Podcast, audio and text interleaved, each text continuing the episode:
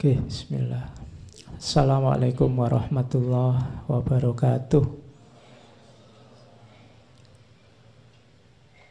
Bismillahirrahmanirrahim. Alhamdulillahi rabbil alamin. Wa bihi nasta'inu ala umurid dunya waddin. Allahumma salli wa sallim wa barik ala habibina wa syafi'ina Sayyidina wa maulana Muhammadin wa ala alihi wa ashabihi wa man tabi'ahum bi ihsanin ila yaumiddin. Bismillah. Kita lanjutkan ngaji kita. Malam ini masih dalam sesi orang-orang jenius dan kita ketemu seorang yang dianggap jenius sejati namanya Leonardo da Vinci Leonardo da Vinci ini selain seorang jenius dia juga dianggap representasi dari satu zaman yang dikenal sebagai zaman Renaissance. Jadi dia sering digelari Renaissance man. Jadi orang Renaissance yang belajar filsafat pasti masih ingat bahwa Renaissance itu satu masa peralihan di barat antara abad 14 sampai abad 17 tentang ketika Barat meninggalkan gaya hidup lama yang dikenal sebagai abad tengah menuju era baru yang nanti dikenal sebagai modern. Jadi sekitar berapa abad? Abad transisi tapi panjang, 14 15, 16, 17 Sekitar tiga abad lebih Jadi Nah di antara tokoh yang sangat dikenal itu Leonardo da Vinci ini representasinya. Oke Kebangkitan kembali barat. Zaman itu kan silih berganti. Dulu zaman awal-awal Masehi Sebelum Masehi kita kenal Yunani terus dilanjutkan Romawi. Setelah itu lahir abad tengah dengan agama-agama besar. Islam muncul jaya dengan peradaban ilmiahnya puncaknya zaman Abbasiyah. Kemudian mulai susut sekitar abad 14 geser lagi ke barat diawali dari Itali. Satu kota kecil namanya Florence. Yang suka sepak bola, yang mengidolakan Fiorentina. Nah, itu dulu sumbernya Renaissance. Jadi saya tidak tahu sekarang apa masih ada yang masih gemar Liga Itali. Dan sekarang kamu sudah hilang dari TV. Zaman dulu Fiorentina masih banyak yang suka. Dulu masih ada Batistuta di sana. Ya, kamu masih belum lahir mungkin ya zaman itu. Zaman lama, angkatannya Maldini dan kawan-kawan. Dari Milan. Nanti Da Vinci juga sempat dari Florence pindah ke Milan. Oke, Da Vinci, Leonardo da Vinci ini saya tidak tahu sejauh mana teman-teman memahami beliau. Mungkin kenalnya dari film ya. Da Vinci Code. Dulu yang main Tom Hanks itu. Tapi mungkin kalian juga tidak suka film-film kayak gitu. Suka mungkin jenis-jenis Avenger, jenis-jenis yang agak mikir-mikir dikit itu kamu biasanya tidak suka. Oke, Da Vinci ini tokoh yang apa saja bisa. Ada quote yang menyatakan bahwa susah mencari apa yang Leonardo da Vinci tidak bisa. Apa saja bisa. Itu kebalikannya kita mungkin ya. Susah mencari kita itu bisa apa. Kalau Leonardo da Vinci dia susah mencari dia yang tidak bisa itu apa. Apa saja bisa. Mulai ngelukis, menyanyi, musik, astronomi, sampai filsafat, semua bidang dia bisa. Sampai kedokteran dia pokoknya bisa semuanya. Makanya disebut jenius sejati. Orang pinter yang tidak main-main. Oke, bahkan untuk urusan ngelukis saja itu sampai hari ini kan heboh. Lukisan-lukisannya sampai hari ini jadi tema pembahasan. Orang menafsir macam-macam. Oke, sekarang kita masuk ke apa yang bisa kita ambil dari seorang Leonardo da Vinci. Ya. Beliau juga dapat dikategorikan filosof karena punya banyak catatan-catatan hikmah tentang kehidupan selain lukisan-lukisannya. Lukisannya juga bisa dimaknai dalam luar biasa. Kalian mungkin kenal ini kan? Ya, Mona Lisa. Ini lukisan, kamu kan heran, wong cuma ngelukis perempuan kayak gitu aja kok segitu hebohnya. Oh itu kode-kodenya banyak, makanya ada Da Vinci Code itu untuk ngelacak sebenarnya menyimpan rahasia apa saja sih seorang Leonardo da Vinci itu. Dia banyak menyembunyikan wawasan-wawasannya tentang kehidupan antara lain dalam lukisan simbol-simbol. Bahkan di lukisan itu kalian lihatnya kan cuma satu perempuan. Nanti yang mengkaji lukisan itu masih nemu gambar macan, gambar ular. Ada di situ binatang tiga. Kalau kamu cari silahkan kalau mau. Iya. Kalau itu jelas kalau gambar binatang itu. Kalau ini di zoom dibesarkan cuma kalau itu kan cuma foto anunya itu nanti bagaimana presisi gambarnya. Leonardo da Vinci itu dikenal sebelum gambar orang, dia itu membedah mayat, membedah orang. Dia ingin ngecek konstruksi ototnya, konstruksi kulitnya, sehingga gambarnya bisa presisi. Itu dari sisi lukisannya. Dari sisi maknanya, sebenar, ini sebenarnya yang dilukis itu kan istri seorang saudagar dari Florence. Mona Lisa, namanya Lisa. Mona itu nyonya kalau bahasa Itali. Kependekan dari Madonna. Nah, ini sebenarnya ada yang menafsirkan dia mau cerita dengan lukisan ini. Dia cuma mau cerita Renaissance. Renaissance itu kan temanya empat. Humanisme, individualisme, sekularisme, dan naturalisme.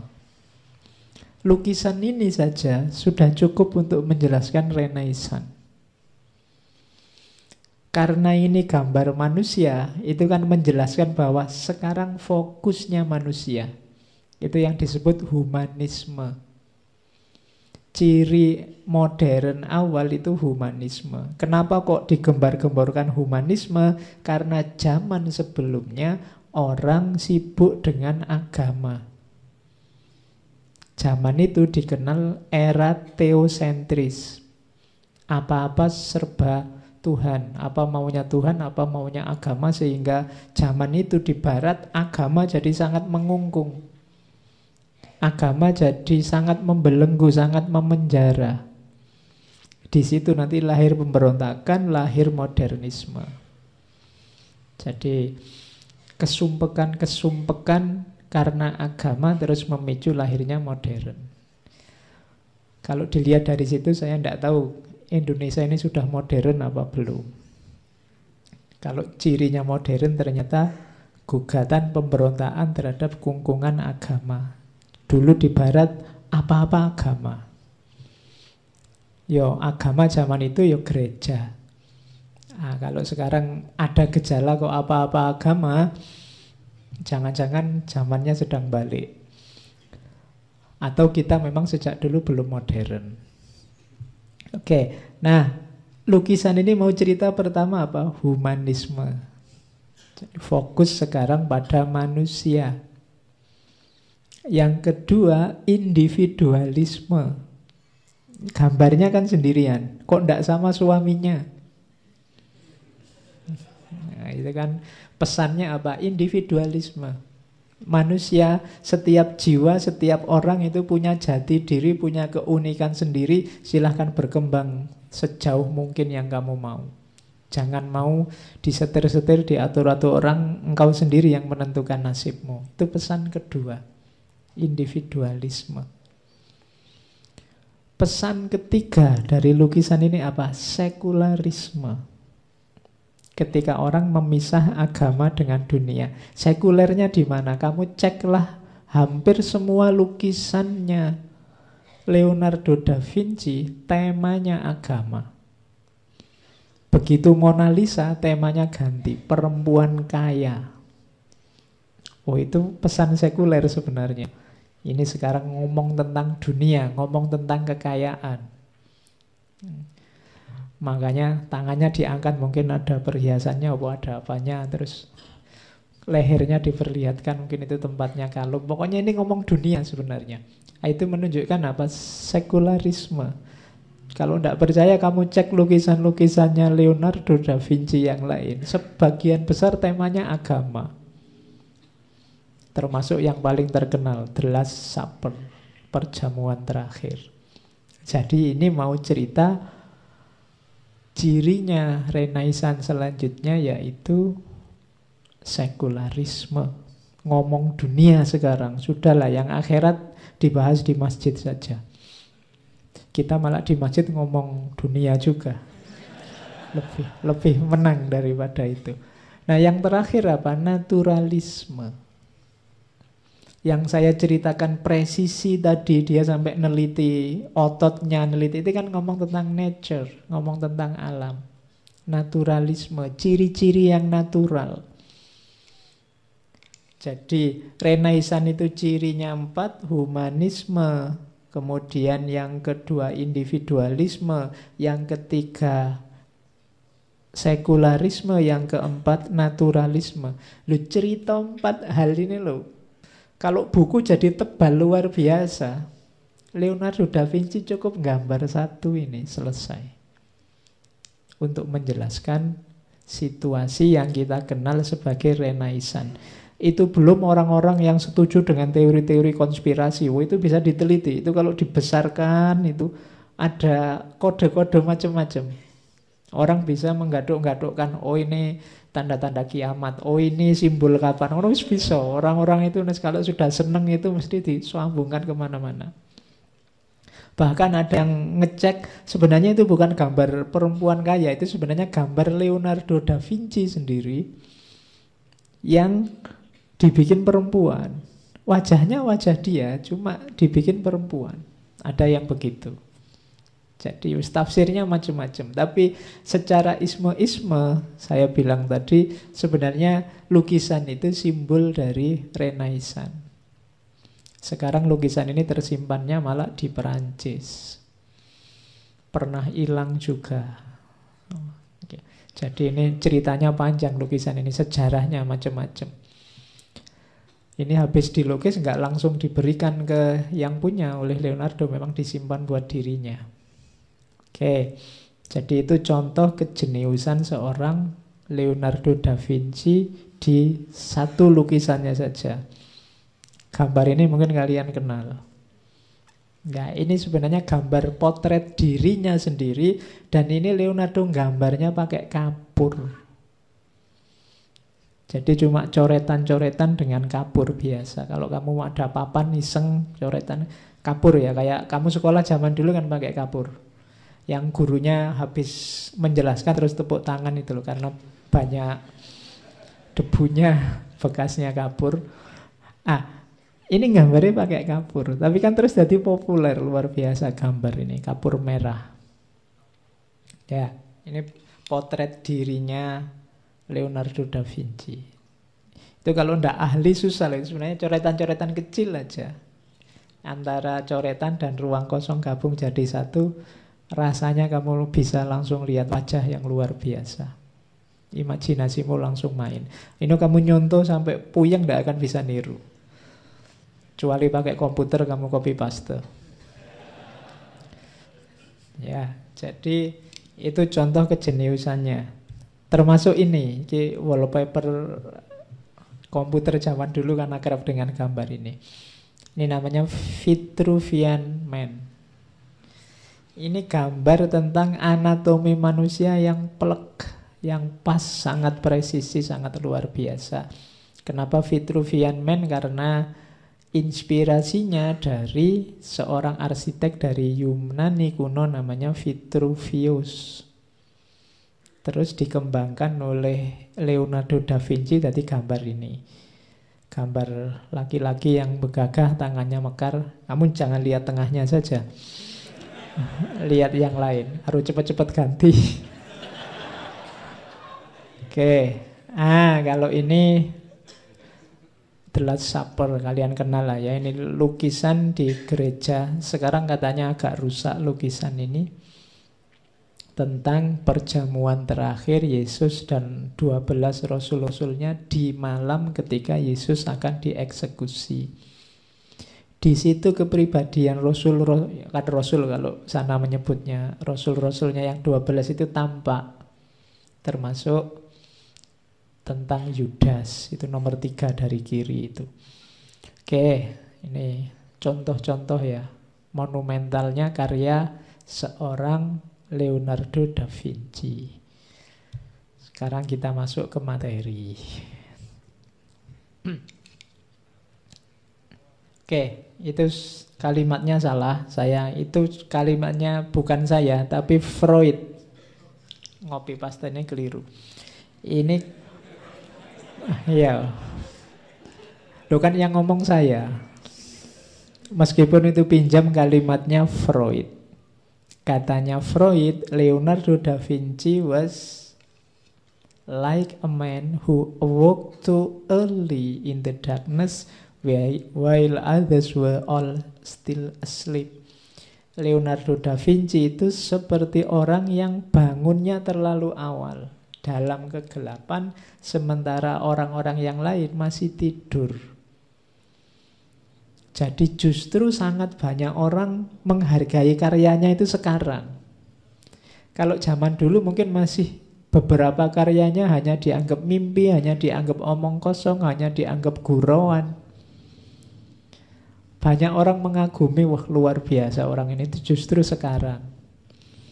Makanya kalian juga begitu, ndak usah mikir pujian, ndak usah mikir viral atau ndak viral kalau memang kamu punya karya dan ingin berkarya, berkaryalah. Mungkin masyarakat hari ini tidak menanggapimu. Menganggapmu Allah, anak kemarin sore tidak apa-apa. Tapi kalau kamu memang berkarya dan karyamu berkualitas, pada saatnya orang akan tahu kualitas dari karyamu. Mungkin sekarang kamu ketutup nama-nama besar jadi orang tidak peduli dengan karyamu, dengan tulisanmu. Wong siapa sih kamu? Tapi tidak usah khawatir. Kalau tulisanmu, karyamu memang berkualitas, pada saatnya karyamu akan dihargai. Banyak orang yang justru jadi tokoh setelah meninggal. Orang baru sadar bahwa orang ini penting. Kadang-kadang pada saat dia hidup dihujat kiri kanan. Begitu meninggal berlomba-lomba orang memuji. Dasarnya apa? Karya yang ditinggalkan. Jadi jangan malu-malu, jangan ragu-ragu untuk berkarya. Meskipun orang bilang Allah tidak penting, Allah wis tahu, Allah kan banyak gitu. Banyak yang lain kayak gitu tidak apa-apa. Kalau itu memang kebaikan berkaryalah. Tidak masalah. Kadang-kadang kamu punya kesadaran baru yang orang belum sadar ke situ. Terus kamu ngomong, terus kamu nulis. Tapi orang cuek, bahkan ada yang melecehkan. Tidak masalah. Pada saatnya orang akan sadar bahwa kamu penting. Yang kamu omongkan berguna. Meskipun mungkin kamu sudah tidak ada. Tapi semoga kamu masih ada. Biar kamu dicari orang. Oke, itu komentarnya Freud. Ini kita mulai masuk ke Leonardo da Vinci. Kita lihat prinsip-prinsip hidup apa sih dari seorang jenius seperti da Vinci. Ini di antara kalimatnya Leonardo da Vinci. I believe man will fly and I base this assumption on the fact that God has blessed us with mind that are capable of imagining it. Jauh sebelum manusia menemukan pesawat terbang helikopter, Leonardo da Vinci bilang, aku percaya bahwa manusia akan bisa terbang. Dan aku dasarkan pandangan ini pada fakta bahwa manusia telah memberi kita, menganugerahi eh, Allah Tuhan menganugerahi kita dengan pikiran, dengan akal yang bisa membayangkannya. Jadi katanya Leonardo da Vinci, besok manusia akan bisa terbang. Loh, dasarmu apa kok ngomong gitu? Dasarnya kita diberi akal untuk bisa membayangkan manusia bisa terbang. Berarti besok manusia bisa terbang. Oh itu sangat percaya diri. Jadi silahkan kamu bermimpi, besok saya akan jadi presiden. Besok saya akan bisa membuat apa, saya akan bisa melakukan apa, tidak apa-apa. Kalau ada orang tanya, kamu tuh ngomong ngawur dasarnya apa? Dasarnya akalku yang diizinkan Allah untuk membayangkan bahwa aku bisa jadi presiden, bahwa aku bisa melakukan sesuatu atau menciptakan sesuatu. Dasarnya itu saja katanya Leonardo da Vinci. Karena seperti saya bilang minggu lalu, banyak orang yang bermimpi saja, tidak berani. Banyak orang yang menginginkan sesuatu itu loh, tidak berani. Mengharapkan sesuatu saja tidak berani. Cita-citakanlah sejak sekarang, besok Indonesia akan jadi negara yang nomor satu di dunia. Semua kalah levelnya. Sepak bolanya ranking satu pokoknya Indonesia. Tapi kamu nggak berani kan mimpi kayak gini. Lo kalau kamu mimpi aja nggak berani yo, apalagi kenyataannya. Harus berani, ndak apa-apa lah. Meskipun pengalaman sering mengecewakan, tapi ya ndak apa-apa. Harapan masih hidup. Pokoknya kita akan nomor satu pada saatnya. Nanti, kalau sampai besok-besok kamu sampai tua kok belum, nanti masih lama, ditunggu aja. Oh, itu namanya harapan. Jangan putus harapan, tidak apa-apa. Zaman anakmu, zaman cucumu insya Allah. Kalau kiamatnya belum jadi. Oke, kalau keduluan kiamat ya sudah. Nanti kita sepak bola di surga. Kalau masuk surga. Karena kelihatannya pemain sepak bola itu kan nanti jarang yang ke surga. Kita menang nanti. Ya, jadi kita bikin klub di surga. Visinya kiai-kiai, ustadz-ustadz itu. Okay, anything that can be dreamed of will eventually be built. Anyone who says otherwise is fool. Katanya Leonardo da Vinci, apa pun yang bisa dimimpikan, dibayangkan pada saatnya akan bisa diwujudkan. Dan siapa pun yang menyatakan sebaliknya, dia orang bodoh. Semua temuan besar itu sumbernya awalnya mimpi. Gimana ya caranya aku bisa bepergian jauh, ndak capek, ndak lama. Loh, itu kan terus muncul ide-ide, temuan-temuan, alat-alat transportasi. Kita bisa ke mana-mana.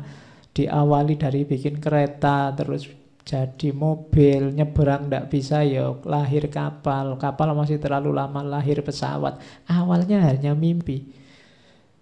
Dulu bayanganmu yang bisa nyebrang sungai di atas air bisa jalan bayanganmu kan cuma wali-wali. Kamu kan pengen wah kayak wali itu ya jalan di atas air. Sekarang tidak perlu wali kamu bisa naik kapal kamu bisa naik perahu yang bisa terbang kayak ceritanya Robiah sama Hasan Basri itu kan terbang sholat di atas kan lu kalau kamu naik pesawat sholatnya malah di atas awan Tidak usah nunggu jadi wali. Itulah teknologi. Dulu orang mimpi-mimpi. Kalau tidak dimimpikan, tidak ada keinginan untuk mewujudkan. Kalau nggak diharapkan, tidak akan lahir usaha. Karena kamu punya harapan, maka kamu bersemangat mewujudkan. Kalau bermimpi dan mengharap saja tidak bisa, ya tidak mungkin kamu berusaha untuk mewujudkan. Kalau di awal kamu sudah tidak bisa, Pak, tidak mungkin, Pak. Apa iya, Pak? Mungkin begitu ya wes. Kamu mesti tidak gerak. Tapi kalau kamu berharap, ya kamu punya semangat untuk mewujudkan. Kalau harapannya saja tidak ada ya sudah. Apa mungkin Pak saya lulus cepat? Ya kalau harapan aja tidak, ya mesti kamu tidak lulus cepat. Kamu sendiri tidak ingin mewujudkan karena kamu tidak berharap. Apa mungkin saya bisa punya suami cakep atau istri cantik? Kamu sendiri bilang gitu ya berarti tidak. Karena kamu sendiri ya kalau ada yang cakep maka kamu tidak berani ngejar kan. Ah tidak mungkin mau sama aku ya sudah. Gitu loh. Kamu harusnya pakai kalkulasi yang agak matematika ya tidak apa-apa, diserang aja kalau ditolak ya nasib. Kalau diterima untung. Tapi karena kamu tidak ada harapan, kamu kan tidak bergerak. Jadi jadi sebesar Leonardo da Vinci pertama-tama berani bermimpi, berani berharap. Kalau kamu sudah putus asa, kalau kamu sudah metok harapan saja tidak berani, ya tidak akan gerak. Indonesia ini sudah rusak pak, sudah hancur. Tidak mungkin lagi bangkit. Ya kamu akan hidup dengan logika ini. Pak orang Indonesia itu sudah tidak karu-karuan, sudah. Ah, ya sudah, kamu akan hidup dengan logika ini. Ketika kamu hopeless, tidak ada harapan, ya usaha tidak akan lahir. Kalau tidak ada usaha, ya perkembangan tidak mungkin terjadi. Jadi logikanya dari situ. Oke, nah itu beberapa saya contohkan itu kan. Bagaimana itu temuan-temuan dari Leonardo da Vinci. Senjata mesin, kapal selam itu semua gagasan idenya dari Leonardo da Vinci kulkas.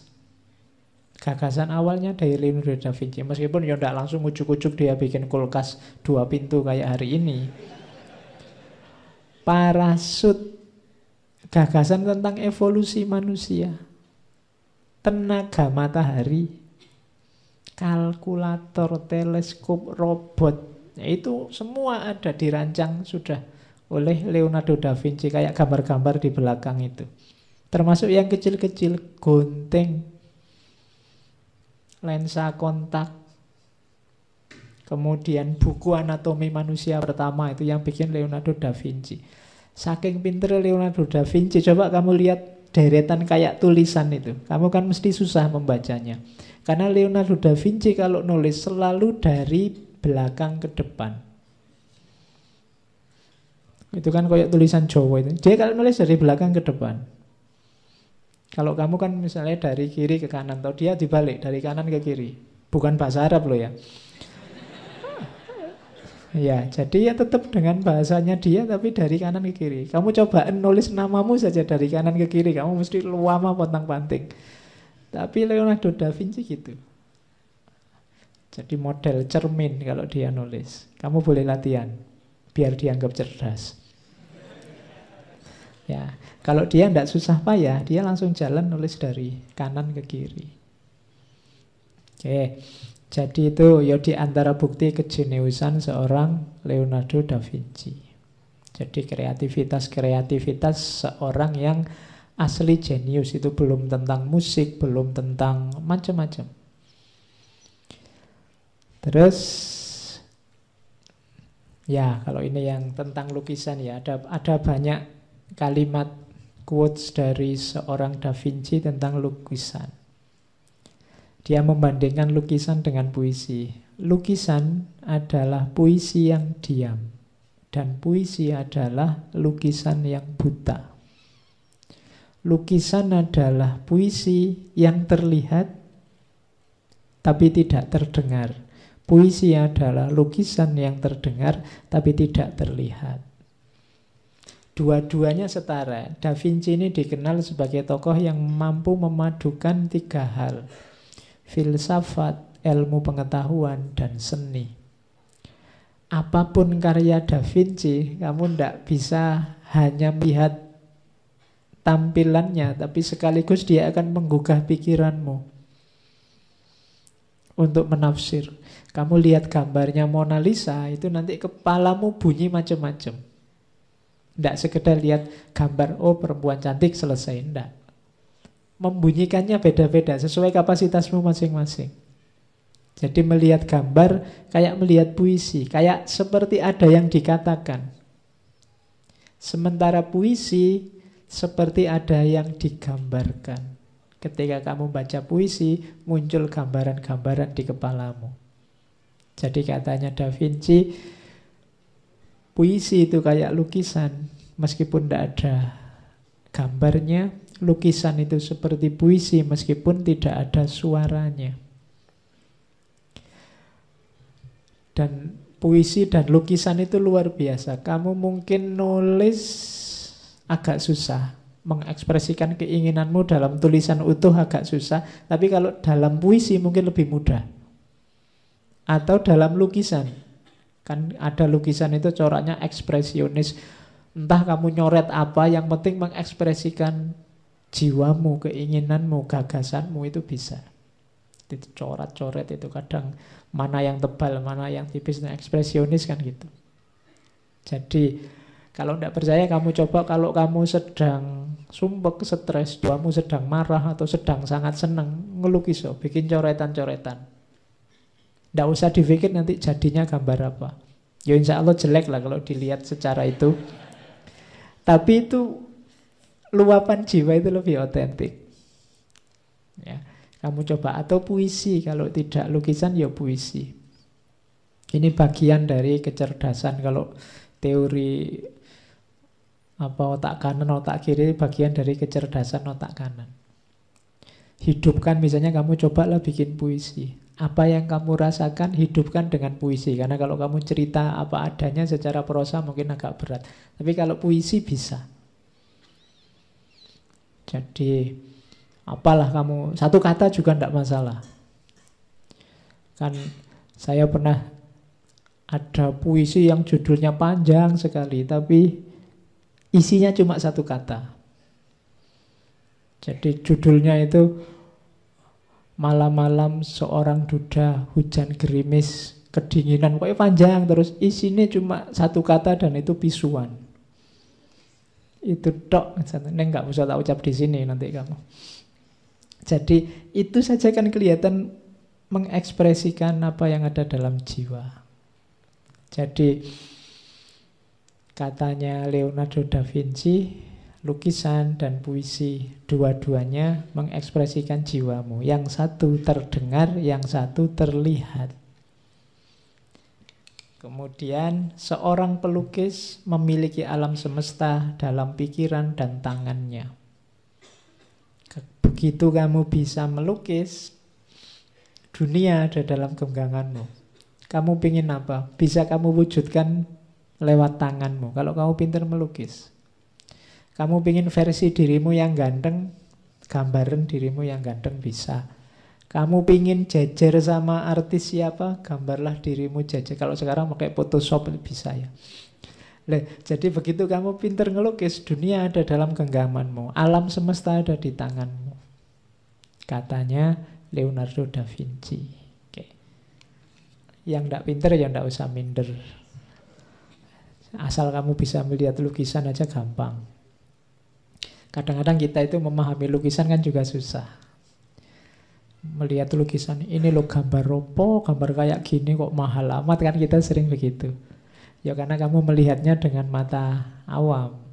Yang ngerti seni bisa menangkap. Jadi kalau kamu ingin dianggap ngerti, pura-pura oh ngerti. Wah luar biasa lukisan ini. Dikira-kira ini menunjukkan harus apa-apa Oke. Terus seorang pelukis hanya akan melahirkan lukisan yang bernilai rendah kalau ia menjadikan karya orang lain sebagai ukurannya. Jadi kalau ini nasihatnya Leonardo da Vinci jadilah otentik. Tidak masalah, tidak sesuai dengan, tidak cocok sama karya orang yang luar biasa kamu tidak harus jiplak. Kalau tulisan ya jangan plagiat. Otentiklah jadi dirimu. Berkaryalah versimu. Sebagus apa pun karyamu, kalau hanya niru, apalagi jiplak, levelnya pasti di bawah yang kamu tiru. Tidak mungkin kamu besar dengan itu. Dapat keuntungan mungkin iya, kalau tidak ketahuan. Tapi namamu tidak akan besar dengan itu. Bahkan ada kemungkinan namamu akan hancur gara-gara itu. Jadi jangan jadi peniru. Jadilah yang original, yang otentik, versimu sendiri. Itu nasihatnya Leonardo da Vinci. Oke, nasihat pertama itu. Nasihat kedua, seorang pelukis yang menggambar hanya dengan tangan dan mata tanpa pikiran itu seperti satu cermin yang meniru apa pun yang diletakkan di hadapannya tanpa menyadari eksistensi barang itu. Jadi ini menurut Leonardo da Vinci melukis itu tidak cuma keterampilan tangan atau keterampilan mata, tapi juga pikiran harus ikut main. Di situ nanti antara lain letaknya originalitas tadi. Kalau pikiran tidak main, ya hasilnya cuma niru, termasuk niru objeknya. Kalau gambar orang persis orang, itu tidak luar biasa. Makanya kemarin waktu kita filsafat seninya Ismail Faruqi yang seni tauhid kan itu. Di mana ciri otentiknya seni Islam? Seni Islam itu tidak senang dengan jiplakan. Kalau hanya persis gitu ya, ngapain kamu ngelukis, gambar, capek, di foto aja selesai. Justru otentiknya lukisan itu kalau ada imajinasi dan akalmu bermain. Jadi kuncinya di situ. Oke. Terus kalau ini tentang seni. Katanya Leonardo kalimat pertama itu prinsip pengembangan pikiran secara penuh dua. Belajarlah ilmu seni dan belajarlah seni ilmu. Jadi ilmunya seni dan seninya ilmu. Ini penting. Ilmunya seni itu apa? Ya hidupmu biar ndak kaku, biar luwes, biar lentur, harus sedikit-sedikit ngerti seni. Tidak masalah kamu punya selera musik apa, kamu punya selera seni apa, punyalah itu. Karena di antara yang melembutkan jiwa itu seni. Kalau kamu tidak ngerti sama sekali atau tidak minat sama sekali dengan seni, biasanya hidupmu agak kaku. Tidak lentur, tidak fleksibel. Jadi untuk dirimu jadi penuh, katanya Leonardo dan Vinci, kuasailah ilmu seni. Yang kedua apa? Seninya ilmu. Seninya ilmu itu seninya orang cari ilmu. Seninya jalan keilmuan. Jadi ini juga penting karena yang cenderung kaku biasanya kan ilmu. Pengetahuan itu kan kaku. Agar menarik apa? Pertemukan dengan seni. Kalau sekedar kamu nasihati orang, itu gampang. Kamu tinggal menghafalkan ayat-ayat bagus, kamu tinggal menghafalkan quote-quote luar biasa, terus disampaikan ke orang mudah. Tapi kalau ingin lebih menarik, tautkan itu dengan seni. Mungkin kamu tidak cuma menasehati, tapi nyanyi misalnya. Sambil nyanyi, sambil kamu sampaikan. Oh itu mungkin orang lebih tertarik. Mungkin sambil gambar apa Saya tidak tahu apa ada ya Ustadz yang ceramah sambil gambar gitu. Ini saudara-saudara. Lo itu yang menarik juga. Jangan sampai kita masuk neraka terus gambar neraka. Kayak di komik-komik zaman dulu kan ada itu gambarnya orang disiksa di neraka. Oh itu unik juga media dakwah yang khas. Jadi ngerti seninya ilmu dan ilmunya seni. Otak kananmu harus hidup. Kadang-kadang Ketika seni terlibat, pesannya sederhana, tapi lebih menyentuh. Dibandingkan yang pesannya luar biasa, kalau ditulis bisa berjilid-jilid, tapi tidak menyentuh. Orang yang ngertinya iyalah manduk-manduk tapi ya biasa aja. Oke, manduk-manduk itu kan tanda dia sudah paham. Berarti tidak luar biasa. Orang sudah paham itu sebelumnya memang dia sudah ngerti, terus diulang orang lain, oh iya kan gitu. Justru lebih dahsyat kalau kamu ngomong yang dengerin geleng-geleng. Itu orang, itu antara kagum sama, ya geleng-geleng itu sama kayak gitu kok diomongkan misalnya. Dan kagum. Jadi geleng-geleng itu perlu ditelusuri. Tapi kalau hanya mengangguk-angguk, kamu ngomong ke orang mengangguk-angguk itu biasanya yang kamu ngomongkan standar-standar. Tapi kalau orang geleng-geleng, wah itu antara kagum sama melecehkan. Alah kayak gitu. Kayak gitu kok disampaikan. Oke. Jadi ilmunya seni dan seninya ilmu. Kembangkan panca indramu. Khususnya bagaimana untuk mengamati Sadari bahwa segala sesuatu berhubungan dengan segala hal yang lain. Everything connected to any other things. Jadi segala hal ini berkaitan, maka bacalah secara utuh, jangan dipotong-potong. Oke, jadilah seniman. Seniman itu apa sih? Seniman adalah orang yang mengamati apa yang oleh orang lain dilihat sekilas saja itu seniman. Jadi kalau orang lain hanya melihatnya sekilas kayak tidak penting, tapi kalau seniman, seniman itu bisa seni suara, seni lukis, seni apa pun, itu yang bagi orang lain tidak penting, jadi penting. Dia tertarik, dia bisa melihat sisi menarik. Seniman apa pun, seniman fotografi misalnya, dia bisa lihat spot. Kadang-kadang foto itu sederhana, tapi karena dia ada jiwa seniman bisa menampilkan sisi luar biasa dari gambar yang sederhana. Jadi cirinya seniman apa?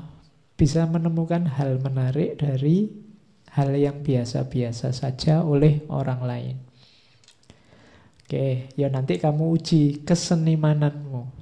Sejauh mana hal yang menurut orang biasa-biasa kamu bisa menunjukkan sisi menariknya di mana. Oke, terus ya seni adalah ratu dari semua ilmu. Kalau ini biasa promosi karena beliau kan ya seniman. Menyampaikan pengetahuan ke semua dunia. Ilmu penting, seni penting, filsafat penting. Yang dahsyat dari Leonardo da Vinci, dia bisa menggabungkan ketiganya. Dan sama kayak tokoh-tokoh jenius sebelumnya, engkau menjadi seniman kalau punya rasa kuriositas, curiosity, rasa ingin tahu.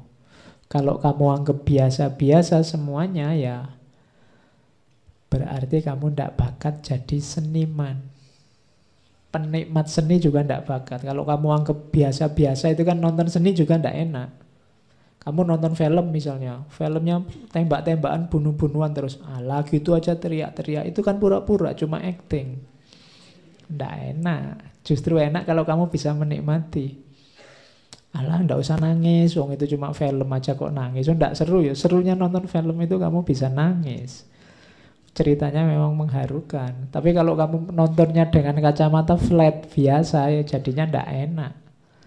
Nanti ada film apalah horor apa hantu gitu. Alah itu bohong-bohongan itu. Aslinya hantunya ya ndak ada. Itu yo aktor yang jadi hantu. Ya, kayak gitu yo ndak usah nonton film horor. Wong memang nonton horor itu pengen ditakut-takuti. Oke. Nonton horor nanti waktunya hantunya keluar malah merem. Lah terus ngapain nonton kalau takut? Oke, yang bisa menanggapi itu jiwa seni. Kalau jiwa seninya tidak ada ya biasanya tidak nikmat. Hidupnya juga tidak imbang. Oke, terus kita tinggalkan dunia seni, kita masuk ke falsafahnya tentang hidup. Oke, katanya Leonardo da Vinci, there are three classes of people.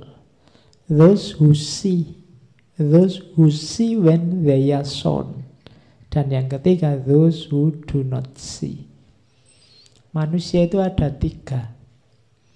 Yang pertama, orang yang mau melihat, orang yang paham. Yang kedua, orang yang mau melihat kalau ditunjukkan. Yang ketiga orang yang tidak mau melihat, tidak mau memahami. Yang pertama ini orang cerdas, orang pinter, orang aktif. Dia mandiri, dia maju karena dirinya sendiri. Tidak butuh dorongan, tidak butuh motivator. Karena kalau untuk maju kamu butuh motivator, Ya, mungkin kamu tidak maju-maju karena kamu nunggu didorong. Motivator itu kan pendorong. Jadi, jadilah orang yang bisa memotivatori dirimu sendiri. Those who see. Yang butuh motivator tadi nomor dua. Those who see when they are shown. Dia mau memahami kalau, dia mau melihat kalau ditunjukkan. Tidak mau nyari sendiri. Pinginnya dituntun.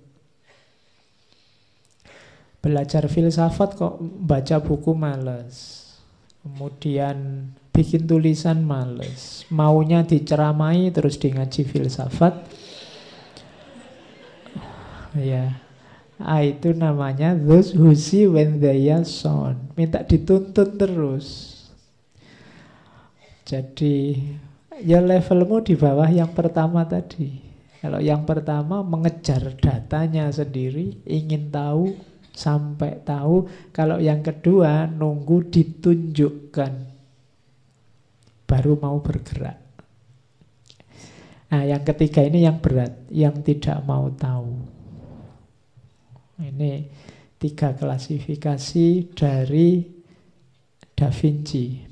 Cuma ini mungkin Leonardo da Vinci perlu membaca Imam Ghazali. Imam Ghazali lebih kompleks kategorinya. Ada orang yang tidak tahu tapi merasa tahu. Ada orang yang tahu tapi merasa tidak tahu. Ada orang yang tidak tahu dan dia tidak tahu kalau dia tidak tahu. Oh, itu lebih. Imam Ghazali kan gitu klasifikasinya. Hari ini kan banyak orang yang tidak tahu tapi dia tidak tahu kalau dia tidak tahu. Akhirnya dia gayanya kayak orang tahu-tahu. Apa tahu-tahu itu? Kayak orang tahu aja, padahal dia tidak tahu apa-apa. Oke, orang kayak ini agak susah. Kalau menurut Imam Ghazali, orang semacam ini yang menyesatkan. Ada yang kayak orang tidur. Kayak orang tidur itu orang ini tahu, tapi dia merasa tidak tahu. Bangunkan katanya Ghazali. Orang ini kayak orang tidur. Ya kalau kamu tahu dan merasa tahu, Alhamdulillah kamu tidak tahu dan merasa tidak tahu itu bagus. Karena kamu tidak akan menyesatkan orang dan mungkin kamu selanjutnya belajar biar tahu. Atau kalau yang ketiga tadi ya kamu tahu tapi tidak tahu kalau kamu sudah tahu. Mungkin karena kamu kurang introspeksi jadi sebenarnya kamu sudah ngerti. Tapi kamu kayak orang tidur perlu dibangunkan. Yang bahaya itu yang terakhir. Orang yang tidak tahu bahwa dia tidak tahu. Oh, itu repot. Ke mana-mana ngasih tahu orang, menasehati, membimbing. Padahal dia sendiri tidak tahu. Itu pun yang dibimbing kok ya manut aja. Nah, orang semacam ini perlu hati-hati kita hadapi. Oke, jadi yang pertama cerdas, those who see. Atau yang kedua, those who see when they are shown. Mungkin ini orang yang agak males Dan yang ketiga, those who do not see. Orang yang tidak paham, tidak mau tahu. Oke, terus cirinya orang awam. Orang biasa. Katanya Leonardo da Vinci, kalau tidak ingin jadi orang biasa, hindari ini. An average human looks without seeing. Listen without hearing, touch without feeling, eat without testing, move without physical awareness, inhales without awareness of odor or fragrance, and talks without thinking. Kalau kalian masih punya ciri ini berarti kalian orang biasa, orang awam, manusia rata-rata. Average human. Jadi, look without seeing. Seeing itu melihat dengan perhatian. Makanya see itu kadang diartikan paham. Kalau looks itu hanya lihat. Jadi, mungkin ngaji ini kamu bolak-balik ada yang sering ketemu tapi tidak see. Hanya looks. Oh aku tahu dia, dia sering ikut ngaji, saya pernah lihat. Itu hanya looks, belum see. Jadi orang biasa itu hanya looks biasanya, hanya lihat. Tapi dia tidak paham, hanya tahu. Maka untuk menghindari agar penglihatanmu tidak sia-sia, perlu see. Melihat dengan serius dan paham. Sama antara listen mendengarkan dan hearing. Ini sama-sama mendengarkan. Listen and hearing. Kalau mendengarkan yang hearing itu mendengarkan dengan serius, dengan paham. Makanya ada istilah public hearing. Bukan public listening. Kalau mendengarkan radio kamu listening. Karena radio mungkin kamu dengarkan sambil iseng sambil lalu tidak apa-apa. Penyiar yang ngomong apa peduli amat yang penting terus lagu yang kamu pesen diputar kan cuma itu kalau radio. Bukan hearing. Kalau hearing itu mendengarkan dengan atentif, dengan perhatian. Serius. Oke. Jadi misalnya saya ngomong ini kalau kamu hanya listening, ya paling kamu setengah-setengah ngantuk itu Pak Faiz ngomong ngopo di depan. Itu hanya listening, tapi kalau hearing kamu mengejar pemahaman. Kira-kira yang diinginkan Pak Faiz itu apa toh? Nah, itu ada hearingnya. Kok kamu mendengarkan rekamannya ngaji terus segera ngantuk? Nah, itu berarti kamu listening. Belum hearing.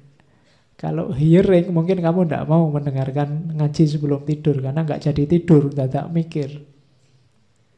Nah, tidak apa-apa, ngaji ini mau kamu listening, kamu mau hearing ya monggo lah. Ya seandainya hanya untuk sebelum tidur terus kamu ketiduran kan alhamdulillah. Berarti ngaji ini punya daya pengobatan terhadap insomnia. Jadi membuatmu terlena dan tidur. Oh itu luar biasa. Bisa semacam itu itu tidak sembarangan. Kadang-kadang orang itu dengerin suaramu kalau dia mau tidur kan kamu malah diusir-usir jangan berisik. Nah, itu jadi pengantar tidur berarti luar biasa. Oke, move without physical awareness. Bergerak tanpa kesadaran. Kalau kita orang biasa katanya Leonardo da Vinci kalau gerak itu tidak pakai mikir. Geraknya banyak isengnya daripada seriusnya. Kamu perhatikan sehari-hari gerakmu setiap hari itu kira-kira mana yang iseng, mana yang serius. Banyak yang otomatis saja. Kadang-kadang bangun tidur terus tanganmu pegang dapat HP, terus buka HP. Padahal kamu tidak pernah mikir ini bangun tidur aku butuh HP apa enggak ya. Otomatis saja begitu. Nah, itu berarti without physical awareness. Tanpa kesadaran. Apalagi yang iseng-iseng itu. Kalau tidak iseng gatel. Ngisengin temennya tiap hari. Kalau tidak ngisengin tidak enak. Tidak sadar. Tanpa physical awareness. Apa sih untungnya? Apa sih manfaatnya? Apa sih gunanya? Habis ini aku mau ngapain? Kalau aku begitu terus manfaatnya apa?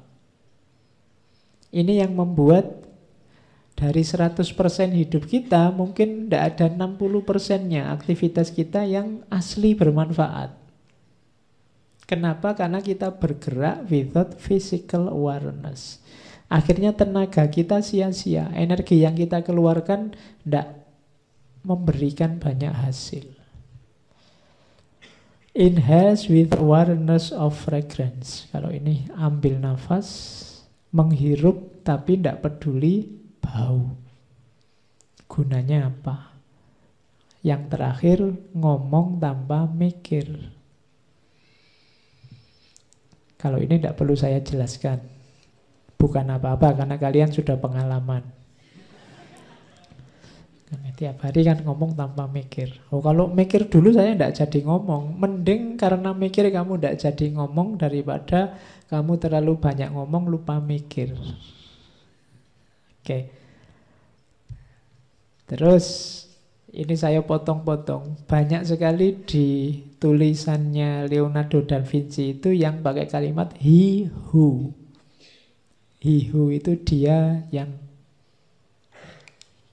yang kata sambung ya bukan yang singkatan dari sayang. Nanti dia yang kamu artikan dia yang. He who possess most must be most afraid of loss. Oh, itu Pelajaran luar biasa dari Leonardo da Vinci. Ia yang punya paling banyak biasanya punya rasa takut kehilangan paling besar. Kalau ini sederhana sebenarnya. Kalau yang kamu miliki banyak, takut kehilanganmu pasti lebih besar. Ini nasihat buat kita, hidup kita jangan tergantung pada kepemilikan.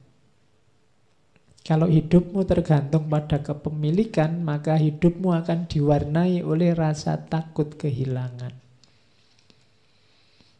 Jadi, kita kan sering menghubungkan diri kita dengan sesuatu di luar diri kita dengan kata-kata memiliki atau kata-kata punya. Aku sekarang punya pacar loh. Itu alamat kamu akan berhadapan dengan ketakutan kehilangan pacar. Yang tidak punya pacar, tidak punya ketakutan kehilangan pacar. Ya. Salahnya di mana? Salahnya di relasi yang kamu sambungkan dengan pacarmu tadi lo. Salahmu sendiri pakai kata-kata punya. Pakai kata-kata memiliki. Wong sudah bolak-balik dibilangin pacaran itu tidak mesti memiliki. Kamu masih memiliki terus. Ya kalau memiliki kamu akan berhadapan dengan monster yang namanya kehilangan. Ya. Oke ya. Ya tergantung strategimu lah gimana caranya kalimatnya biar tidak punya atau memiliki. Aku sekarang apa ya?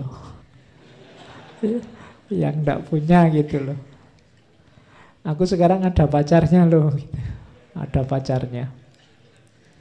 Oke, ya pokoknya jangan dianggap memiliki lah. Emangnya pacarmu itu milikmu kan tidak? Iya. Ya kalian sedang ber, saling membantu berdua, bertukar fungsi, bertukar manfaat. Tapi jangan poses. Harta juga begitu. Aku sekarang punya laptop. Ini laptop milikku loh. Ya sudah, kamu akan berhadapan dengan pada saatnya kamu akan kehilangan laptopmu. Oke, sehingga kalau laptopmu error rusak, kamu sedihnya luar biasa karena ini kemarin milikmu. Itu yang agama menasihati kita wanti-wanti jangan tergantung apa pun selain Allah karena pasti kamu akan takut dan akhirnya kecewa karena semua yang selain Allah pasti akan meninggalkanmu jenisnya apa pun. Jadi kalau ingin hidup tenang kurangi keterikatan dengan apa pun harta, keluarga, anak, istri, dan lain-lain. Bukan berarti berarti nggak boleh dekat gak? Yang larang dekat siapa? Jangan terikat. Terikat itu nama lainnya tergantung. Biasanya mengujinya dengan kalimat kalau tidak. Kalau tidak kamu, aku ndak. Kalau tidak ada kamu, hidupnya gelap. Kalau tidak laptop ini, aku ndak bisa kerja. Kalau ndak ngerokok, pikiranku bunak. Itu ciri-ciri ketergantungan. Begitu ada kata-kata kalau tidak, berarti kamu tergantung. Ada proses di situ dan punya potensi kamu kecewa dan kehilangan. Kecewa, kehilangan, rasa takut, kumpul semua di situ. Dinasehati oleh Leonardo da Vinci, he who possess most must be most afraid of loss. Maka yang paling gelisah dengan kehilangan, kalau harta ya orang kaya. Orang yang lebih kaya dia lebih takut kehilangan. Sementara yang lebih tidak punya apa-apa, takutnya lebih sedikit, mau takut kehilangan apa, mau tidak punya apa-apa. Ya. Logikanya sesederhana itu. Makanya jangan mudah tergantung. Terus yang kedua ini, he who think little errs much. Ini kebalikannya. Selama ini kan kamu merasa bahwa kalau banyak mikir banyak salahnya. Ndak, katanya Leonardo kebalik. Justru kalau kamu jarang mikir kamu akan sering salah. Kenapa kamu ndak terlatih berpikir? Jadi justru ndak apa-apa kamu berpikir keliru ya nanti diperbaiki, berpikir salah ya nanti diluruskan, dibenarkan. Berpikirlah terus ndak masalah. Lama-lama kamu bisa terlatih berpikir kritis, berpikir benar, berpikir lurus. Kalau kamu jarang berpikir, akal otaknya jarang digunakan, ya masih mudah tersesat dalam berpikir. Jadi jangan takut berpikir. Nanti kan banyak mikir, banyak kelirunya. Iya, tapi setelah keliru akan ada perbaikan. Tapi kalau kamu tidak pernah mikir, kamu tidak tahu salahmu di mana. Begitu saatnya kamu mikir, kamu akan salah. Jadi siapa yang berpikirnya sedikit justru punya potensi salahnya besar. Jadi tidak usah takut berpikir, berpikir saja. Berpikir itu fasilitas yang diberikan oleh Allah dan luar biasa. Berpikir itu punya ciri kebebasan yang hakiki. Tidak ada orang yang bisa dihalangi saat dia berpikir. Kalau fisikmu bisa dihalangi, bisa dipenjara, bisa dicegah, tapi kalau pikiran tidak. Kamu ingin apa pun, kamu punya maksud apa pun, kamu menggambarkan, menjelaskan apa pun, kalau itu adegannya dalam pikiran, tidak masalah. Di situ ada kebebasan. Maka berpikirlah. Kemudian ada lagi, nah gandengannya mikir itu ngomong. He who truly knows has no occasion to shout. Dia siapa pun yang sudah tahu dengan pasti biasanya tidak ada lagi kesempatan untuk teriak-teriak. Orang yang masih ribut dengan kebenarannya, biasanya dia masih belum terlalu yakin dengan kebenarannya. Orang yang masih sibuk ingin menunjukkan salahnya orang lain, biasanya itu dilakukan dalam rangka menegaskan benarnya dirinya. Kalau dia masih butuh ingin menegaskan benarnya dirinya, sebenarnya dia belum terlalu yakin dengan kebenarannya sendiri. Jadi he who truly knows has no occasion to shout. Kalau kamu sudah tahu kebenaran, biasanya kamu tenang. Tidak ribut. Pokoknya aku tahu sendiri kok. Kamu mau ngomong apa terserah kamu. Aku sudah ngerti yang sejati. Tapi kalau kamu masih ribut, masih pingin tahu salahnya orang lain di mana karena yang benar itu aku, biasanya kamu masih butuh justifikasi dari kebenaranmu yang terletak dalam salahnya orang lain. Nah ini kita harus hati-hati dengan kebenaran yang kita miliki karena kadang-kadang kita itu kan sibuk nyari kesalahan orang lain. Itu sebenarnya ciri bahwa kita belum terlalu yakin dengan kebenaran kita sendiri. Kalau kita sudah yakin mantap dengan kebenaran kita, biasanya kita tidak butuh lagi penjelasan bahwa orang lain lebih buruk, lebih salah dari kita.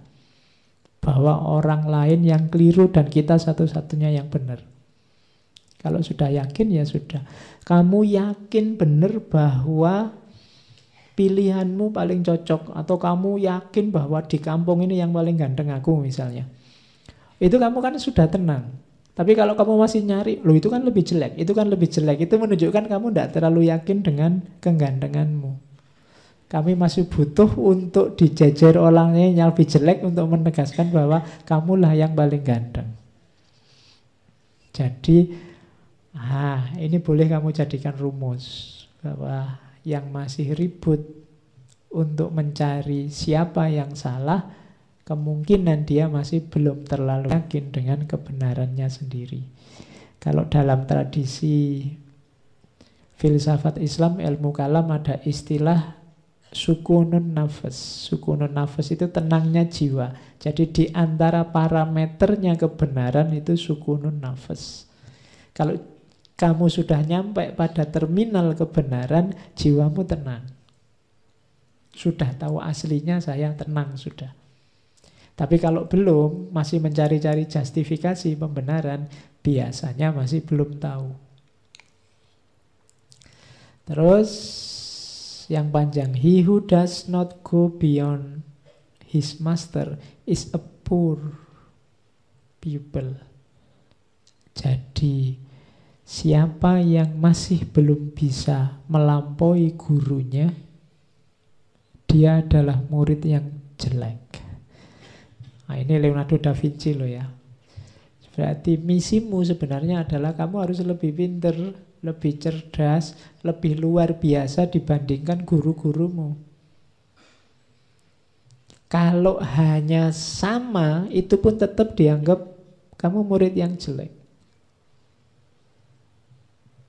Kenapa bisa begitu loh? Gurumu itu anak zamannya.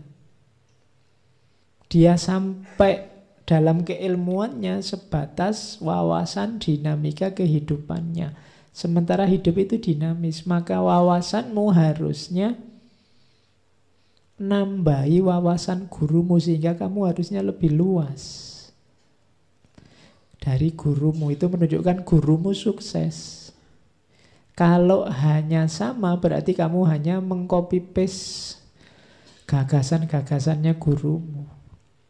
Kamu harus lebih, lebih itu melampaui. Cuma kan kamu selalu bilang apa yang mungkin Pak saya bisa melampaui guruku ya kalau saya bilang tadi ya kalau kamu sudah bilang begitu ya ndak mungkin sudah. Kamu mimpi aja ndak berani ya ndak mungkin. Mungkin kalau kamu tidak bisa melampaui gurumu, kenapa kok disebut murid yang jelek? Berarti kamu hanya mengulang, menghafalkan yang disampaikan oleh gurumu. Tidak bisa mengembangkan. Guru yang sukses adalah guru yang ilmunya mampu menginspirasi murid-muridnya. Menginspirasi itu bukan cuma mengulang kata-katanya, tapi melahir gagasan-gagasan baru yang dipicu oleh wawasan keilmuan yang disampaikan oleh gurunya. Makanya murid yang baik itu yang melampaui gurunya. Jadi kalian misalnya diperintah oleh takmir-takmir barang siapa yang ingin mentransip ngaji ini silahkan. Itu tulisan yang bagus yang kamu tidak copy paste apa yang saya omongkan. Kalau hanya copy paste yang saya omongkan orang lebih suka ngapain baca tulisanmu dengar rekamannya selesai. Tapi kamu olah versimu, tidak masalah. Namaku tidak usah disebut, nggak masalah. Terinspirasi itu kan bukan hanya ikut, tapi lahir gagasan baru, lahir pencerahan baru versimu. Yo nanti namanya pakai namamu. Nah itulah he who does not go beyond his master is poor pupil. Kalau yang ungu itu he who does not value life does not deserve it. Orang yang tidak menghargai kehidupan tidak layak untuk hidup. Wong gak kamu hargai. Oke, ini penjelasannya kalian sudah ngerti. He who wishes to be rich within a day will be hanged within a year. Siapa yang ingin kaya mendadak dalam sehari dia ingin langsung kaya, maka tunggulah setahun lagi dia akan digantung. Tidak ada jalan instan untuk sukses. Jangan mudah tertipu oleh iklan-iklan promosi.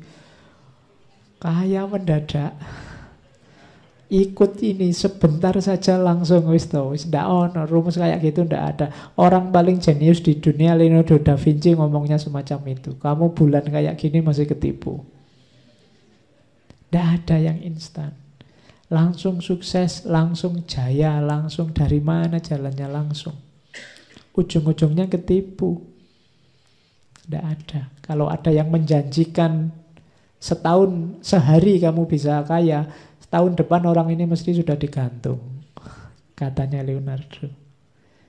Jadi ndaklah, jangan ketipu yang gitu-gitu. Semua ada prosesnya. Untuk jadi seorang Leonardo da Vinci juga ada proses panjang. Ada banyak rasa sakit yang harus dia alami. Oke, terus Nah, ini saran dari Leonardo da Vinci. Hidupmu butuh keaktifan. Jangan males. Telah lama aku perhatikan, ternyata orang-orang sukses itu jarang yang hanya duduk dan pasrah atas apa yang terjadi pada diri mereka. Mereka keluar dan mengalami banyak hal. Jadi ini dalil untuk jangan males. Banyak yang tanya ke saya, Pak, Caranya biar tidak males itu gimana? Ya jangan males. Tidak ada caranya, pokoknya jangan males saja. Kalau kamu merasa, wah saya ini males, ya sudah bangkitlah. Paksa dirimu untuk bangkit cuma itu. Dan biasakan untuk beraktivitas, cuma itu. Karena manusia itu hidup dengan apa yang dia biasakan. Kalau kamu biasa santai-santai, kongko-kongko, enak-enak, anda ngapa-ngapain, ya kamu akan terbiasa dengan itu. Maka satu-satunya jalan keluar dari zonamu, aktiflah. Jadi kuncinya itu. Katanya Leonardo kan, saya sudah cek sendiri. Semua orang sukses itu tidak ada yang dengan diam dan pasrah. Sukses di bidang apa pun, sukses di bidang apa pun. Tapi saya suksesnya ingin di bidang sufi ya Pak, yang pasrah, rela misalnya. Iya. Loh, mbok anggap sufi-sufi itu terus diam saja tidak. Mereka mengejar Tuhannya, mengejar anugerahnya, mengejar ridhonya. Oh mereka justru tidak tidur siang hari, malam hari, isinya ibadah. Tidak ada yang kok males-malesan itu, tidak ada. Jadi kamu cita-citamu apa saja, tidak akan sukses kalau kamu hanya duduk dan pasrah. Tapi sekarang bisa loh pak, jualan, pegang HP sambil duduk-duduk. Iyalah, tapi ya tetap nggak bisa diam saja. Jadi rumus pertama itu, kamu harus aktif. Dan rumus keaktifan itu kalau di Islam kan jangan dibayangkan kayak satu tambah satu dua. Keaktifan itu upaya kita bergerak. Tidak usah dipikir hasilnya. Kadang-kadang karena mikir hasil ini kan terus kita jadi pesimis. Alah pak saya kejar kayak gimana pun yo tidak mungkin kelihatannya kan terus itu. Karena kamu bergantung pada amalmu, bergantung pada tindakan. Jangan, bergantungnya pada Allah. Kamu bekerja, kamu beraktivitas, kamu bertindak, itu ya karena sunatullahmu sebagai manusia. Hasilnya apa itu urusannya Allah, tidak usah kamu pikir. Jadi, jangan salah identifikasi, tugasmu cuma bergerak. Sering saya ilustrasikan ceritanya Nabi Ismail dan ibunya itu loh. Jadi kan ketika Nabi Ismail bayi ditinggal berdua di Mekah, susah nyari air, lari-lari sofa marwa bolak-balik tujuh kali, akhirnya dapat air dari kakinya Ismail yang menjejak tanah. Mbok ya dia jejak sejak tadi. Biar segera keluar. Loh, itu rahasianya Allah. Cara kerjanya memang begitu. Kalau pakai matematika, lari bolak-balik tujuh kali tadi, ketemu airnya ya hasil lari ini tadi. Entah di sudut yang mana dari sofa Darmawan terus nemu, ah ini air kan gitu logika matematikanya. Tapi hidup tidak begitu. Kita kerjanya ini malah hasilnya keluar dari situ. Nah, ini logika kerja dan hasil. Makanya sudahlah, pokoknya kamu aktif saja, kerja saja. Tidak usah mikir dapat apa. Kalau kamu mikir target, kadang-kadang hasilnya malah kecewa. Pastikan yang kamu lakukan baik, bermanfaat, produktif. Ah, nanti selanjutnya Allah dan sunatullahnya yang bekerja. Oke, itu kalimat selanjutnya konotasinya sama. Aku pernah terkesan dengan pentingnya tindakan. Ternyata tahu saja tidak cukup, kita harus menjalankan. Ingin saja tidak cukup, kita harus melakukan. Tadi kan di depan diwanti-wanti harus berani bermimpi, harus berani berharap. Cuma mimpi dan harapan saja ya tidak cukup. Kalau kamu hanya mimpi dan berharap ya tidak ada aktivitasnya ya tidak akan tadi mimpi jadi kenyataan. Untuk membuat mimpi jadi kenyataan kamu harus bangun. Meskipun tadi awalnya mimpi ya memang semuanya diawali dari mimpi. Tapi jangan mimpi terus. Jangan kok, Pak, hidup ini kan diawali dari mimpi. Nah, saya makanya pingin tidur lagi misalnya. Oh ya enggak begitu. Nanti kamu bolak-balik tidur alasannya pingin mimpi. Enggak, biar mimpimu jadi kenyataan, kamu harus bangun. Seenak-enaknya sukses dalam mimpi, jauh nikmatnya dibandingkan sukses dalam kenyataan. Gitu. Kalau kamu hanya membayang-bayangkan dia, memimpi-mimpikan dia, tidak luar biasa. Nikmatmu hanya nikmat dalam khayalan. Kalau ingin seneng beneran, ya kamu tembak beneran. Di logika sederhananya kan begitu. Jangan cuma membayangkan. Nanti diduli orang lain kamu bikin puisi.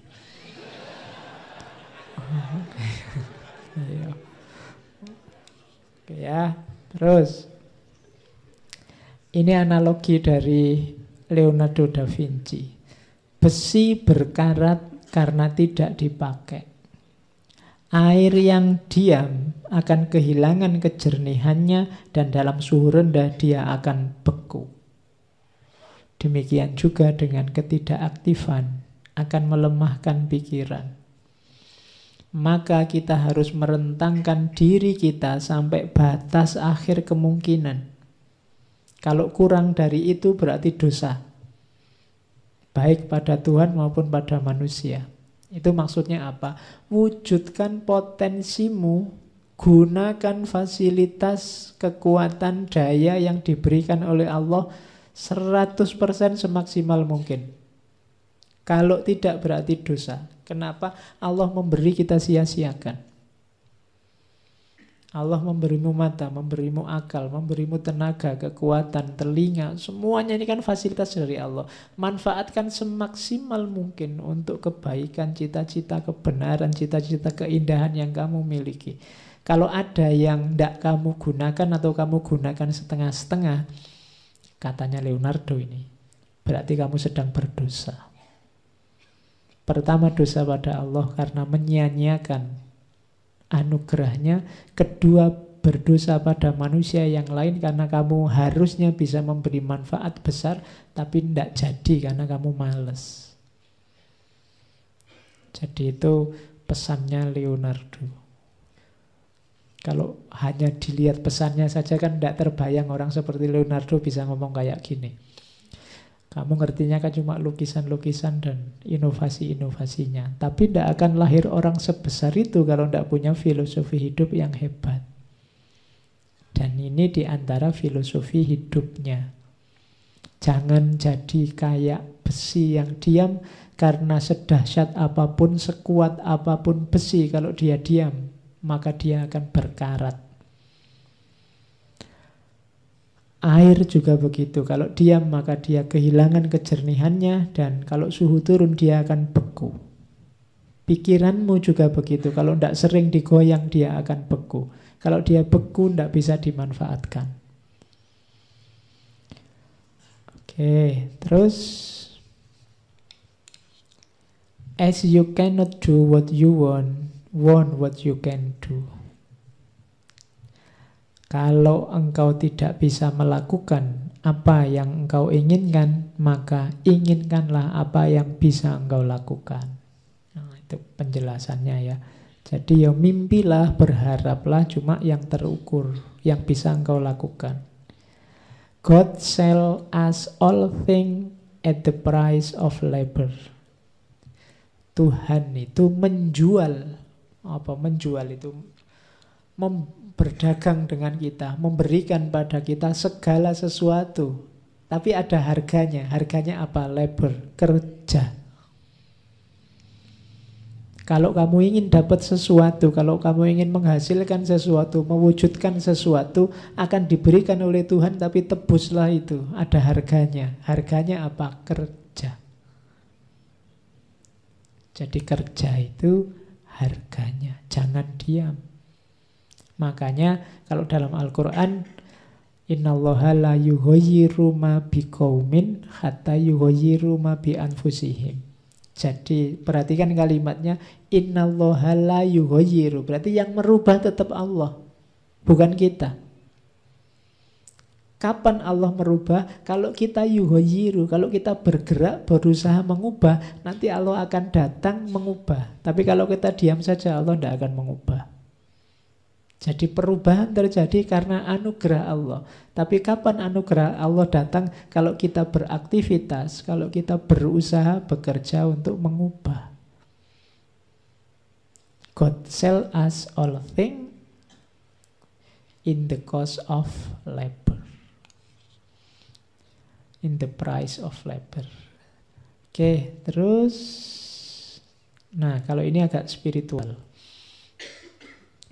Once you have tasted flight, you will forever walk the earth with your eyes turned skyward. For there you have been and there you will always long to return. Begitu engkau tahu rasanya terbang, selamanya engkau akan berjalan di muka bumi dengan mata menatap langit. Karena engkau pernah di sana. Dan ke sanalah engkau akan selalu rindu untuk kembali. Jadi ini dimensi spiritual, dimensi rohaniah manusia. Jadi kalau kita pernah mulia, kalau jiwa kita ngerti indahnya dunia level tinggi, maka hidup kita akan berkiblat ke sana. Itu kalau pakai bahasa sufi, kalau kita bisa menemukan nikmatnya, asyiknya, dekat dengan yang tinggi-tinggi, maka dunia bawah tidak akan ada artinya. Kalau hanya kenikmatan fisik yang kita kenal, ya kiblat kita akan ke situ-situ saja.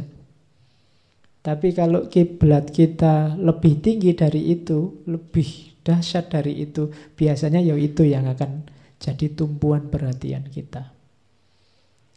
Jadi hubungannya dengan mimpi tadi. Mimpimu setinggi setinggi apa? Itu biasanya sejauh pengalamanmu. Anak kecil yang belum mengalami apa-apa, mimpinya mungkin hal yang rendah.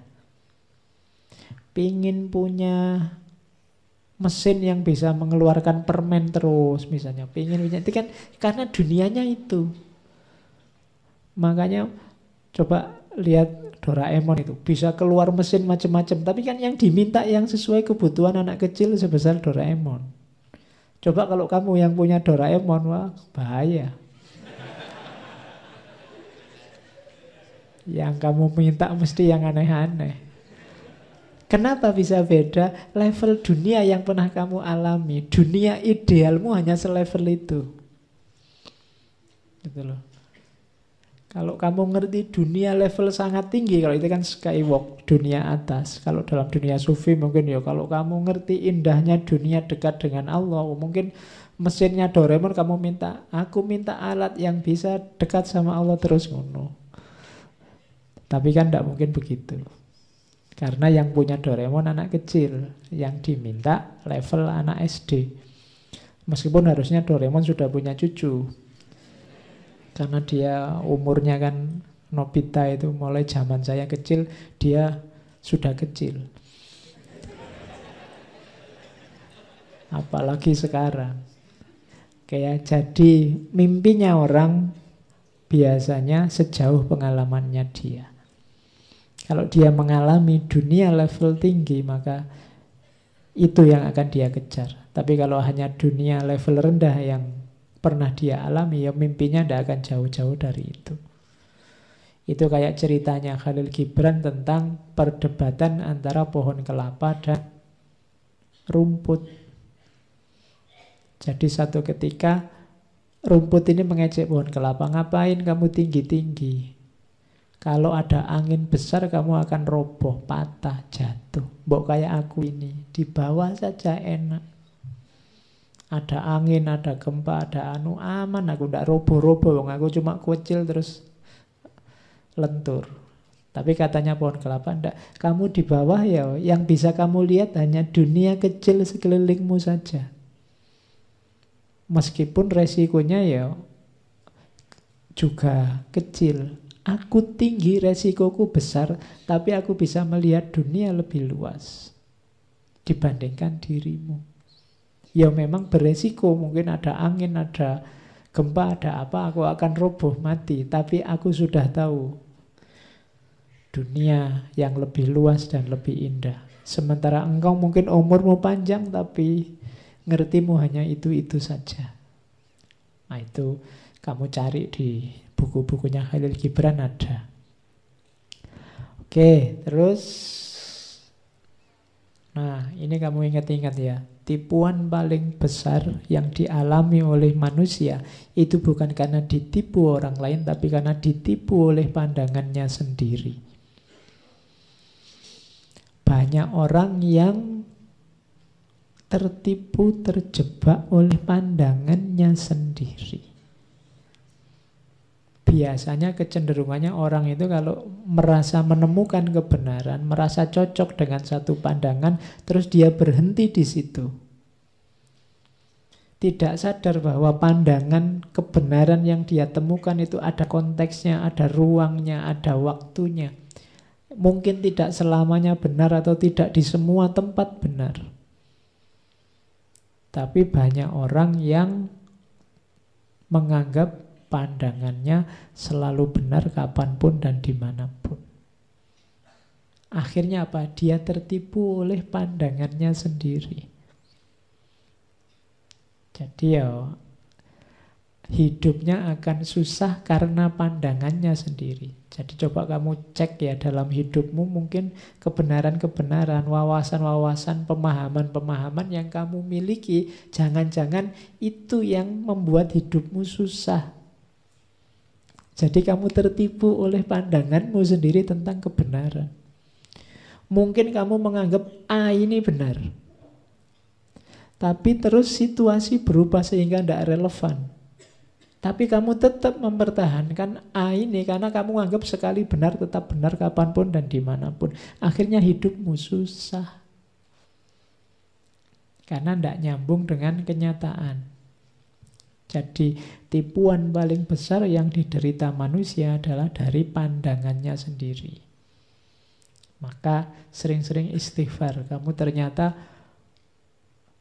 yang banyak menyusahkanmu itu tidak dari luar dirimu, tapi dirimu sendiri. Engkau sendiri yang menyusahkan dirimu sendiri. Maka hati-hatilah dengan pandanganmu, perspektifmu, pemahamanmu.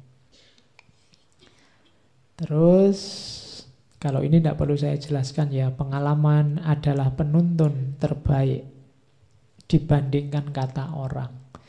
Secanggih apa pun kata orang, dia akan kalah oleh pengalaman.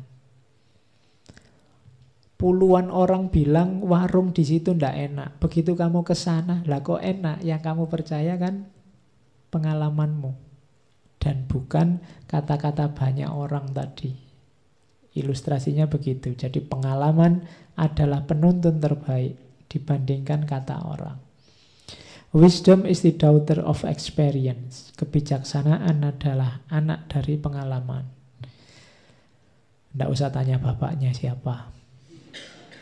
Ya bapaknya ya dirimu yang punya akal pikiran dan pengalaman. Anaknya namanya kebijaksanaan.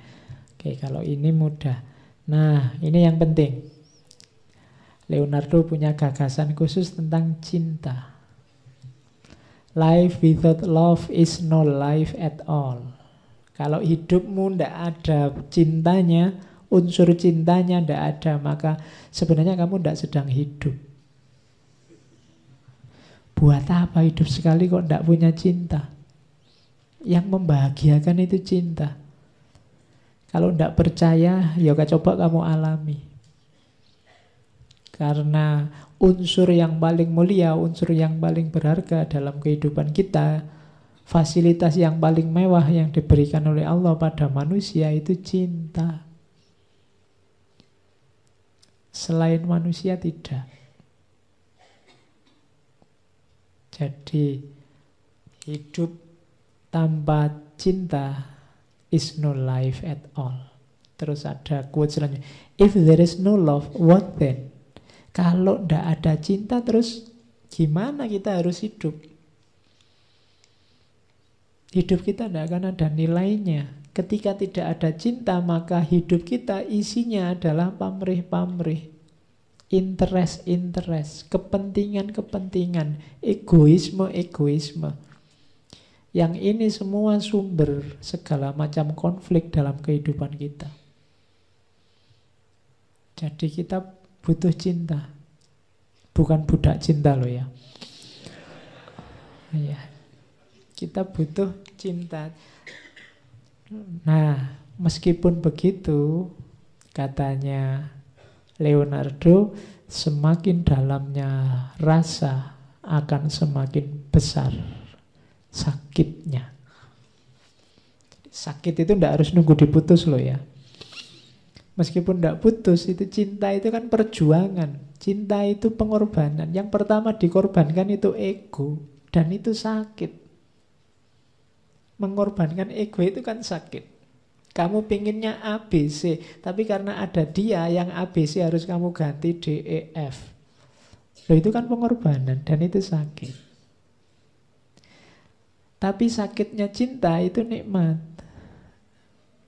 Cuma ini hanya diketahui yang pernah.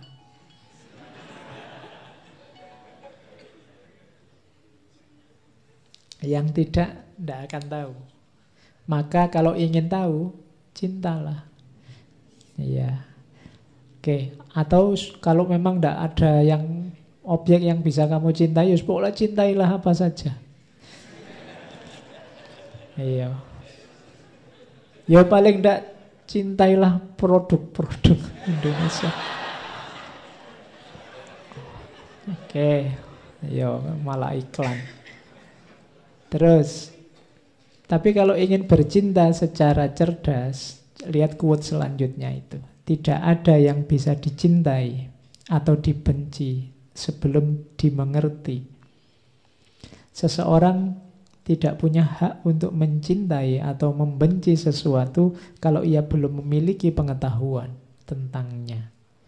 Cinta yang besar berasal dari pengetahuan yang dalam terhadap objek yang dicintai. Dan kalau engkau hanya mengetahui sedikit cintamu pun hanya akan sedikit. Atau sebenarnya bukan cinta. Jadi katanya Leonardo, tak kenal maka tak sayang. Kenal itu bukan berarti kamu tahu namanya, alamatnya di rumah mana, terus malam minggu kamu apel. Kenal itu kamu faham ikhwal dirinya. Makanya kalau katanya Erich Fromm kan salah satu komponen cinta itu knowledge. Kamu harus tahu, punya pengetahuan dan mengejar pengetahuan tentang yang dicintai. Semakin kamu sadar dan tahu tentang yang kamu cintai, biasanya cinta ini akan semakin besar. Kalau tidak, berarti itu bukan cinta. Jadi Misalnya, Pak, saya tambah kenal dirinya, tambah tidak cinta, Pak, saya terhadap dirinya. Misalnya begitu. Oh, berarti itu tadi bukan cinta. Itu tadi kamu masih negosiasi-negosiasi, masih bersyarat. Aku cinta kalau kamu A, B, C, D. Sekarang terbongkar ternyata kamu D, E, F, G. Jadi aku sekarang tidak cinta lagi. Jadi berarti bukan cinta. Kalau tadinya cinta sih Pak, tapi semakin saya dalami, saya kenal, wah saya malah tidak cinta lagi sekarang. Oh itu berarti belum cinta, kamu masih dagang. Kamu masih kalkulasi kira-kira aku untung apa enggak. Jadi kalau itu memang jatuh cinta beneran, cinta yang sejati, seperti apa pun dirinya akan kamu terima. Cuma cinta juga ada care dan responsibility. Kalau itu jelek, kamu akan berusaha mengubah. Dalam konteks cinta. Tidak kok cinta berubah jadi benci. Kalau cinta berubah jadi benci, biasanya memang itu bukan cinta. Masih kalkulasi-kalkulasi untung rugi. Oke, Terus mereka yang jatuh cinta dengan tindakan saja tanpa ilmu seperti pelaut yang masuk kapal tanpa kompas. Maka kamu juga harus belajar cara mencintai yang baik. Karena kalau tidak, mungkin cinta akan membawamu ke mana yang tidak jelas. Pahami ilmunya juga. Terus Nothing strengthen authority so much as silence. Yang paling kuat adalah kediaman, keheningan. Ini sarannya Leonardo untuk tidak terlalu banyak terpengaruh oleh lingkungan sekitarmu. Diam itu dahsyat. Kalau tidak percaya, kalau kamu punya teman pendiam, itu kan lebih membuatmu agak gimana daripada yang cerewet. Jadi yang ngomongnya sedikit-dikit tapi mantap itu kan lebih luar biasa daripada yang ngomongnya banyak tapi tidak jelas. Kamu juga butuh momen-momen kesendirian. Kenapa sih tidak harus terlalu banyak terpengaruh? Katanya Leonardo da Vinci, kalau engkau sendiri, engkau memiliki dirimu sepenuhnya. Kalau engkau ditemani oleh satu orang, engkau hanya memiliki dirimu setengahnya, bahkan kurang. Karena eksistensimu harus negosiasi dengan eksistensi temanmu yang lain. Sejauh pengaruhnya yang tidak masuk akal dan kalau kamu memiliki lebih dari satu pendamping, engkau akan jatuh lebih dalam dalam situasi yang sama. Jadi momen kesendirian itu penting. Kenapa kok kita butuh momen kesendirian? Karena dalam kesendirian kita bisa jadi diri kita seutuhnya. Kenapa? Karena kalau bersama orang lain ada negosiasi. Kamu tidak bisa full sesuai keinginanmu karena akan tabrakan dengan keinginan orang yang bersamamu. Kalau kamu berdua berarti dirimu tinggal setengah atau mungkin kalau dia ngambilnya banyak ya dirimu bisa lebih dari setengah.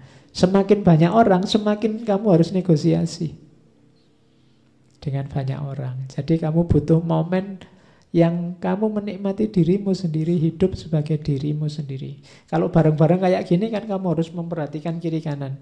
Sebenarnya kamu ingin selonjor sejak tadi, tapi kalau aku selonjor yang depan ketendang, nanti rame lagi, belum gelasnya misalnya.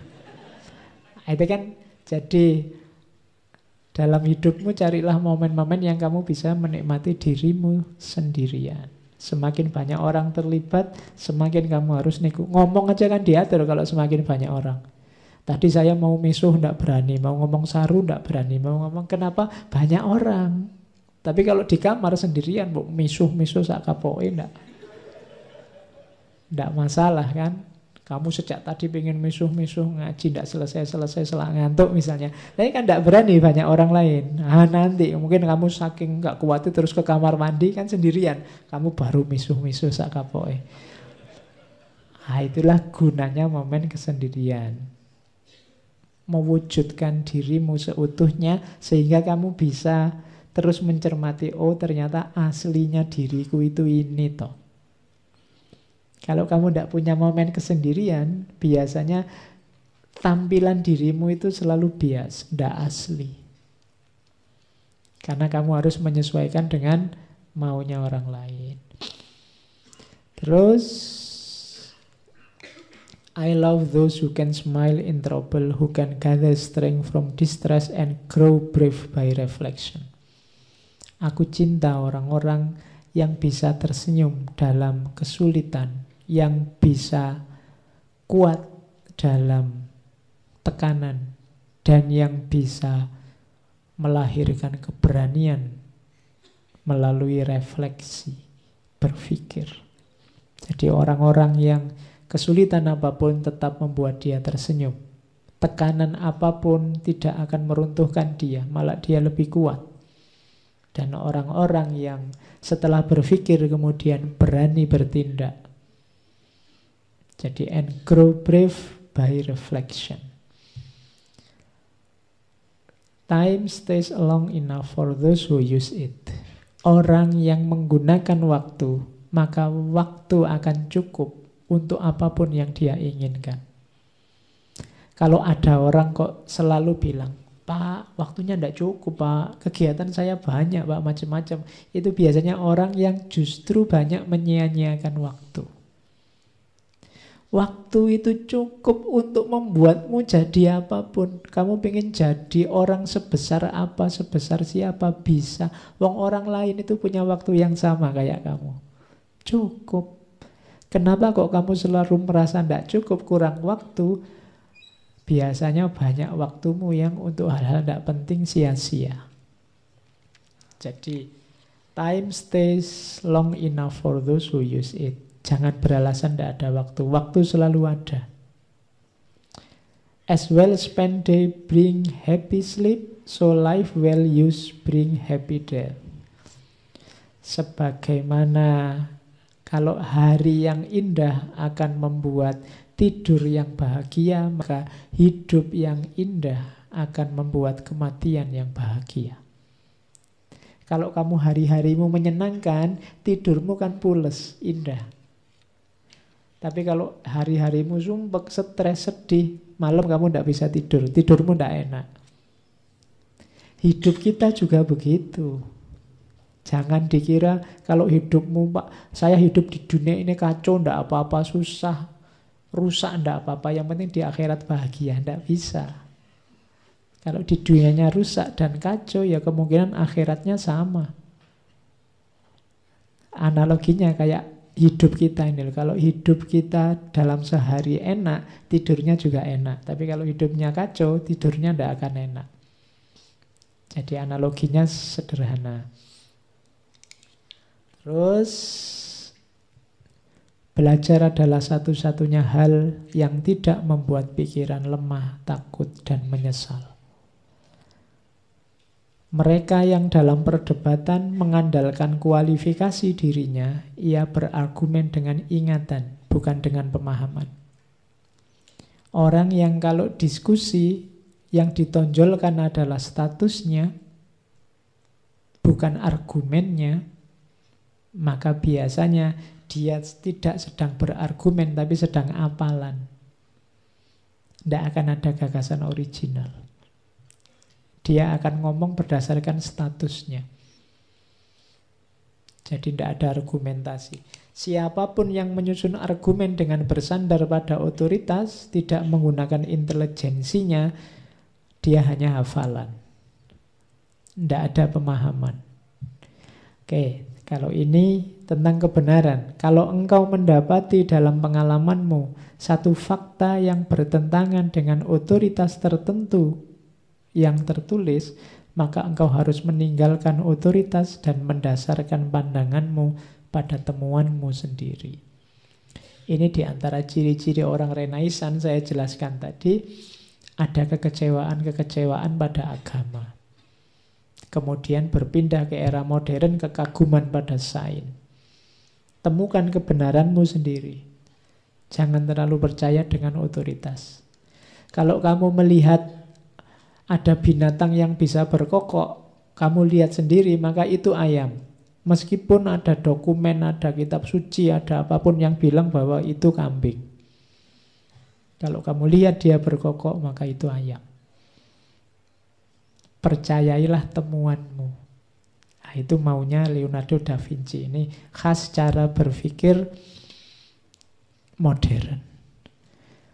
Oke. Kalau hidup bersama orang lain, hati-hati dengan kebohongan. Kebohongan tidak menyelesaikan masalah, tapi akan membuat situasi lebih buruk. Maka para pembohong, siapa pun itu, yang merasa tidak usah tersinggung, hati-hatilah. Kalian begitu kalian bohong, kalian tidak sedang menyelesaikan masalah, tapi sedang nambah masalah. Dalam hal apa pun. Yang kedua dinasehati oleh Leonardo, tidak ada yang harus ditakuti lebih besar daripada ketenaran yang kosong. Hampir semua ketenaran itu kosong. Jangan terlalu heboh kalau kamu diidolakan orang, disukai orang. Kamu populer di mana-mana namamu disebut orang karena pasti itu kosong. Penjelasannya sudah banyak di mana-mana. Bagaimana pujian sebenarnya termasuk juga cacian itu hal yang kosong. Oke.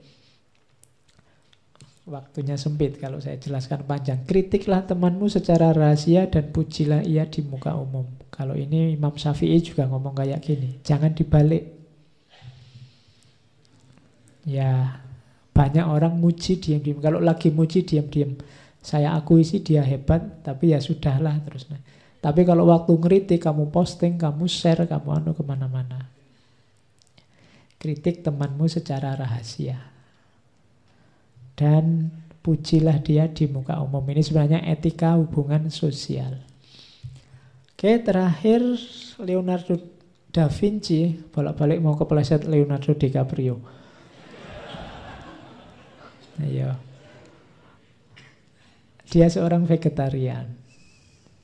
Jadi dia punya prinsip My body will not be a tomb for other creatures. Perutku tubuhku tidak akan aku jadikan kuburan dari makhluk hidup lain. Makanya dia vegetarian. Dia punya ancang-ancang akan tiba saatnya ketika manusia seperti aku akan melihat pembunuhan binatang seperti pembunuhan manusia hari ini. Pada saatnya ini ramalannya Leonardo da Vinci, orang melihat binatang disembelih itu rasanya sama kayak lihat manusia disembelih pada saatnya. Saya tidak tahu sekarang sudah saatnya apa belum. Ini prinsipnya teman-teman yang vegetarian. Misinya tidak ingin menjadikan perutnya, tubuhnya jadi kuburan manusia lain. Tapi untuk hal ini banyak perspektif, banyak pandangan. Ya tugasmu selanjutnya untuk menjelajahi ide-ide gagasan yang menurutmu menarik. Untuk tidak berhenti di sini saja, karena kalian kan murid yang baik yang harus melampaui apa yang disampaikan. Oke, saya kira itu sedikit wawasan tentang orang jenius yang bernama Leonardo da Vinci. Uh, sesi para jenius saya kira sudah selesai dengan tiga tokoh. Kita akan ganti sesi bulan depan. Uh, sayangnya ada sayangnya lagi ya. Rabu minggu pertama besok mungkin kita kosong lagi. Jadi libur ya. Nanti teman-teman takmir yang mengumumkan biar tidak ada yang keliru. Atau kalian bolehlah tetap ke sini nonton-nonton film horor apa-apa bareng-bareng. Yang jelas Rebu pertama kita kosong, Rebu 2, 3, 4 insya Allah kita seperti biasa. Minggu depan karena akhir tahun kita bersih-bersih ya pendinginan. Karena sudah dari barat banyak. Kita apa ya enaknya? Pendinginannya tokoh-tokoh sufi enak. Kita ambil tokoh-tokoh sufi yang tidak terlalu rumit. Sufi-sufi yang amali, yang ahlaki. Kita ambil tiga tokoh sufi besar Imam Hasan al-Basri, kemudian Syekh Abdul Haris al-Muhasibi, dan terakhir Imam Junaid al-Baghdadi. Oke ya, kita bersih-bersih jiwa mumpung akhir tahun Desember dengan tiga tokoh sufi dari tradisi tasawuf amali. Bedanya yang amali sama nadhori, kalau yang nadhori itu agak rumit konsep-konsep filosofinya Ibnu Arabi, Jalaluddin Rumi. Kalau yang amali ini praktis-praktis. Kita temui tiga beliau-beliau itu untuk membantu kita pendinginan di akhir tahun. Kalau olahraga itu kan ada pemanasan, ada olahraganya sendiri dan pendinginan. Kita dinginkan dengan tiga tokoh sufi. Nanti kita gas lagi bulan Januari. Ya, akhir tahun saatnya agak ngerem sedikit. Oke, saya akhiri sekian kajian malam hari ini. Kurang lebihnya mohon maaf. Wallahul muwafiq, wallahu a'lam bissawab. Wassalamualaikum warahmatullahi wabarakatuh.